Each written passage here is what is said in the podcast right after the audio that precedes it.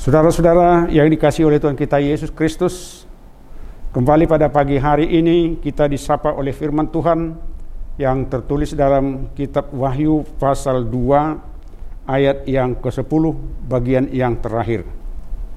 Hendaklah engkau setia sampai mati dan aku akan mengaruniakan kepadamu mahkota kehidupan. Hendaklah engkau setia sampai mati dan aku akan mengaruniakan kepadamu mahkota kehidupan. Saudara-saudara, kesetiaan itu sering digoyah oleh dua hal. Pertama adalah digoyah oleh godaan, lalu yang kedua adalah digoyah oleh ancaman. Oleh karena godaan, maka Adam dan Hawa tidak setia kepada firman Tuhan yang telah ditetapkan kepada mereka untuk tidak memakan buah pohon yang di tengah-tengah Taman Eden. Mereka digoda. Tetapi mari kita lihat, ada orang yang diancam tetapi tetap setia, yaitu Daniel. Meskipun dia dilemparkan ke gua daripada harimau dan singa itu, tetapi dia tidak takut. Dia tidak pernah goyah dia setia. Situasi atau kondisi yang kedua ini bisa mengancam kita pada saat ini. Tetapi yang paling sering kita hadapi dan yang paling banyak adalah karena godaan. Banyak hal-hal yang menggoda kita untuk tidak setia. Misalnya harta, jabatan, kedudukan, dan lain sebagainya. Banyak hal. Posisi-posisi kemanusiaan kita dalam kehidupan kita di dunia ini sering digoda supaya kita tidak setia, supaya kita melakukan yang tidak dikehendaki oleh Tuhan. Tetapi yang paling berbahaya, yang paling kita takutkan adalah apabila ada ancaman dalam kehidupan kita. Banyak orang-orang yang terancam, mereka menjadi tidak setia. Tetapi firman pada hari ini mengingatkan kita, hendaklah engkau setia sampai mati. Kesetiaan sampai mati itu, maka kepada mereka lah diberikan mahkota kehidupan. Berbeda dengan mahkota yang diberikan kepada para atlet yang menjadi juara, yang sampai ke finish, sampai kepada akhir perjuangan sehingga mereka menjadi pemenang.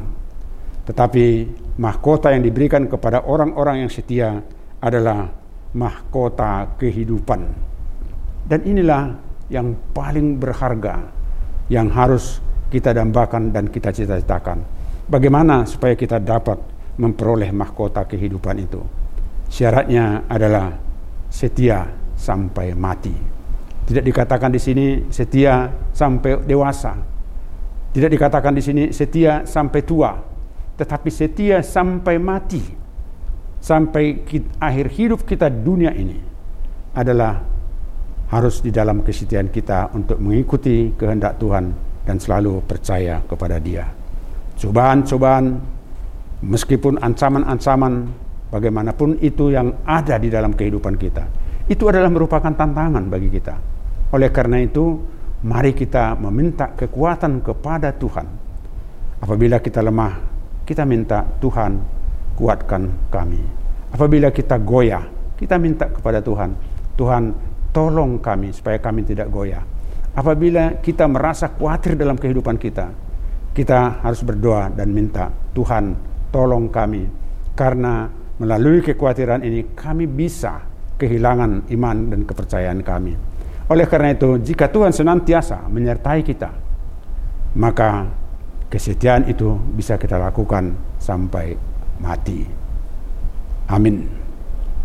Saudara-saudara, Kembali kami mengingatkan kita untuk senantiasa mengikuti protokol kesehatan, memakai masker, mencuci tangan, dan menjaga jarak, supaya kita terhindar dari bencana-bencana pandemi yang telah melanda dunia ini selama ini, selama kurang lebih dua tahun ini. Kita berdoa. Ya Tuhan Allah Bapa kami, dua hal yang selalu kami hadapi. Yang paling sering adalah godaan dan mungkin juga ancaman terhadap nyawa kami. Sehingga kami ragu-ragu, sehingga kami takut, kami khawatir. Sehingga kami mungkin menjadi orang yang tidak setia.